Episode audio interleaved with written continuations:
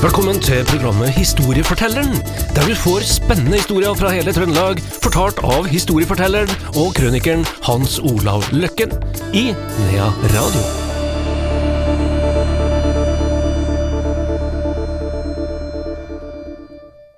Historiefortelleren her i Nea Radio er tilbake. Det er også vår historieforteller, Hans Olav Løkken. Velkommen, Hans Olav. Jo, takk, takk. Vi har jo hatt historier med mm, forbindelser fra Trøndelag og over til Amerika. Det skal handle om det i dag også.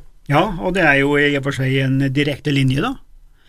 Men eh, vi må kanskje innlede med eh, det som ikke mange nordmenn tenker over. Vi er, vi er liksom blitt lært opp til at i de store amerikanske byer og i Tokyo og i Japan og også visse plasser, så driver man eh, nesten bare med streets og avenues. Og det, Sånn vil det jo bli i Norge når vi får eh, millionbyer. Du kan jo ikke drive med, med navn etter noen personer og sånn, det blir litt problematisk. Kjøpmannsgata. Kjøpmannsgata, ja. Så det vil jo bli slik, da, eller, eller det blir en chip da, som forteller hvor du bor hen. Ja. Men eh, vi ser, ser der jeg bor, da. Eh, jeg eh, bor da i en vei, og veier går da altså nord-sør, og gater går da øst-vest. Det gjør de i Norge òg, men du eh, tenker alle over det, fordi vi har en topografi som gjør at gatene går 360 grader av og til. Så det er liksom ikke en direkte Det er vel bare Kristiansand og et par andre plasser i Norge som har det her rett kvadratiske systemet, da. Og, og, og ute på så, så, så, så det, er noe, noe fornuftig der med streets og avenues osv. osv. Men hva skjer når du kommer ut på prærien, da? Jo, du kjører den bortover der innen en time eller to. Så ser du en gård, postkasse, 46.140, står det. 46 140, ja, steika det et stort nummer da, gitt. Så kjører du kjører en kvarter til, så kommer du til neste gård. Da står det nummer eh, 62 304. Ja, men Nei, da skjønner du ikke et dust. Skjønner ikke et dust, da. Og, eh, sånn drev jo jeg og rota på 80-tallet, vet du. Så jeg skjønte jo ingenting, men nå er det jo GPS, så nå bør vi ikke tenke. Altså, Vi blir jo jævlig dumme etter hvert, eh, Andreas, for vi slipper jo å tenke, vet du. Vi, vi kan jo ingenting snart. Men det er et system på det her, skjønner du. Som du i og for seg kan eller kan lære det, men vi har ikke behov for det. Men amerikanerne har det, jo. det er jo også at de her tallene står for noe, med distanse fra grenser fra byen og alt mulig sånn. Så hvis du kan det her systemet, så vet du hvor langt det er dit og dit. Og alt er jo bygd opp på på Statue Miles 1,6, ikke 1,8 som uh, nautisk. da.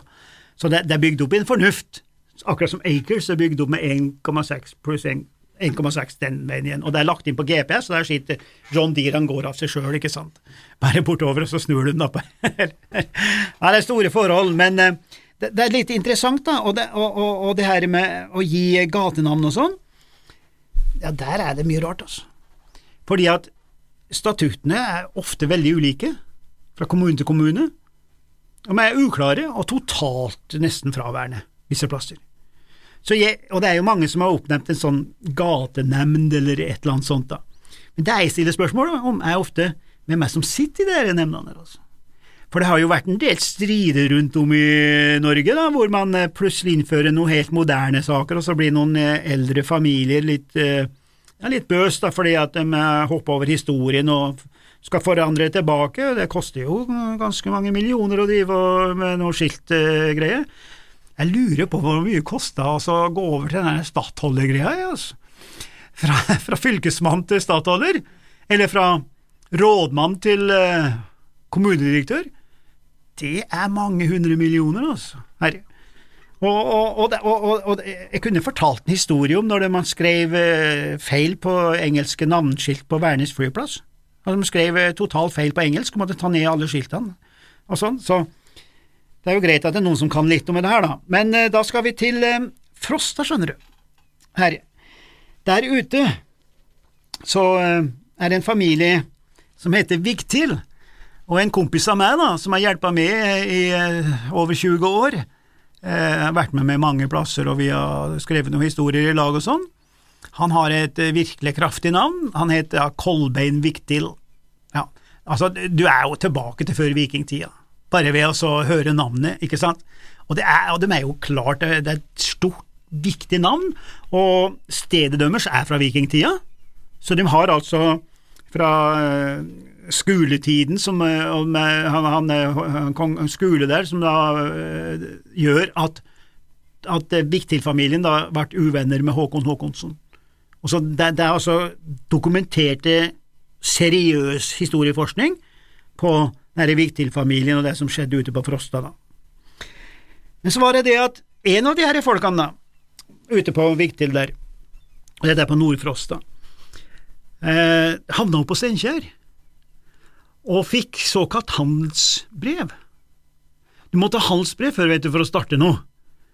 Og eh, han bodde jo der og fikk noen barn, og det er altså den eh, ene av de her ungene som jeg skal komme litt tilbake til nå, men poenget var at hvis du ikke hadde det her handelsbrevet ditt den gangen, og nå er vi altså på 1800-tallet her, da, ja, da fikk du ikke noe stemmerett, vet du.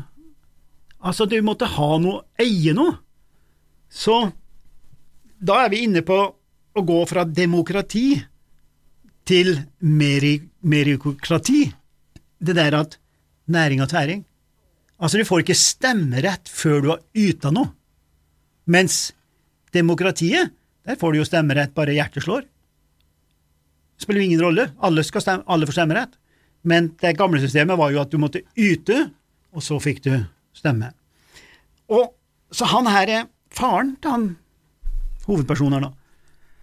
Han mista det handelsbrevet sitt, og dermed så mista han stemmeretten. Da var det en kompis eller noen folk der da, som følte at det der var ikke helt bra, var urettferdig.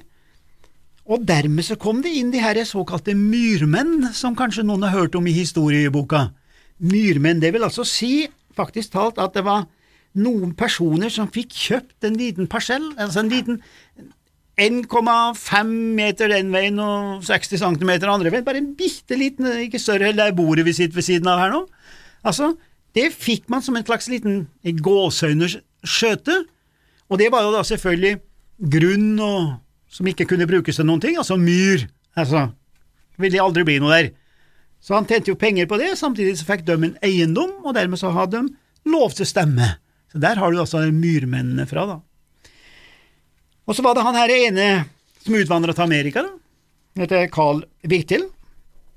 Han eh, kom jo, eh, har jo blitt ingeniør og sånn, og kommer til Amerika og gifter seg der borte, og, og gjør det veldig bra. Han, eh, han finner opp en, en sak, så han får patent for noe sånn høydraulisk apparat som løfter broer og sånn. Han var, var sånn ingeniørtype, da. Og øh, første broa var jo Kvibekk-broa, da løfta han vel vekt på 5500 tonn. Altså, det var en enorm eh, oppfinnelse. Og sånn som det er med veldig mye av de her amerikanerne, da, så, eh, så eh, hegner de veldig om folk som gjør det godt. Det, det, det, det er jo en del av kulturen der borte. Og eh, hvis det er noen som blir olympisk mester, som bor eh, åtte hus fra deg, som du ikke kjenner, men så står du og klapper i hånda. Eh, Jeg vet ikke hva de gjør på Stjørdal og andre, men der er visst ingen som klapper hvis du gjør det bra på et felt. Da. Men det er litt som dette her med at du er stolt av naboen. Du er stolt av at noen i bygda gjør det bra, og du hegner om dem. Og det syns jeg er en god holdning, altså at, skal, at, at, at noen får et lite minnesmerke etter seg, da, kan du si. Og det gjorde jo han her eh, Carl Vigtil, da. Han eh, Hun dør jo, ene kona der, ja, så gifter han seg igjen, men de blir barnløse. Den der eh, eh, det, det paret der. Antagelig så legger han seg opp ganske mye penger. Han eh, er med i ganske store prosjekter, kommer inn i eiendom ute på Long Island, som er en del av New York, da, og sånn, og gjør det godt. Og plutselig en dag så får han oppkalt en gatestubb etter seg. Carl Vigtil, så den heter da Vigtil Lane. Altså vi har jo Avenue og Lane så, og forskjellen på street, eh, eh, Avenue og Lane og, og alt det der, det, det bør vi ikke ta her, men jeg kan det nå, jeg, da, i hvert fall. Og en sånn lane her, den her er 380 meter. Jeg sporer opp folkene i den der lanen, da, vet du, for jeg måtte jo få noe kjøtt på beina her. Så jeg sporer opp hvem som bodde der, det er jo veldig enkelt. Fikk kontakt med dem, vet du, og det er ingen som trodde på meg. en raring fra Norge kommer og sier at han her eh, Vigtil Lein det, er en, det er en fra en bondegård straks bortafor der jeg bor. Eh, Det er jo litt, litt stubb da, bortafor der jeg bor, men jeg, hos meg så blir det i amerikansk målestokk så er det nærmest nabo. Tenk på at Vigtil Lein kommer altså fra en frosning og fått oppkalt da ei gate i New York. Og de som bodde der, visste ikke noe om det. Så jeg har tenkt å sende da en beskjed til ordføreren i New York jeg, om at nå må de se å våkne. At de vet at de har en frosting og en trønder som har gitt navnet til der. Og når han døde, han er viktig her, og de ikke hadde noe barn og sånn, da, så ga han altså bort eh, mye av formua si til eh, Norwegian Children's Home. Han ga mye bort til The Norwegian Home of the Age, av gamlehjem, ikke sant, for norske eh, der borte. Og så ga han til Brooklyn Home for the Blind. Da tror jeg kanskje at, den, at han eller kjerringa kanskje begynte med noe med synen og sånn, og siden han ga der. Så han ga bort hele formuen sin også, i tillegg, så han fortjener virkelig en lane, da. Men den lane, den stanser jo. Så jeg lurer på hvem som skal ha den, den neste lane som kommer opp der, da, som er fra Blindveien. Så hvis jeg innunder meg litt med ordføreren, så kanskje får jeg et navn der òg. Kanskje det. Tror du det? det var den historien. Det var den historien. Takk skal du ha igjen, historiefortelleren vår, Hans Olav Løkken. Historiefortelleren i Nea Radio får du eh, hver uke til samme tid, så vi høres igjen.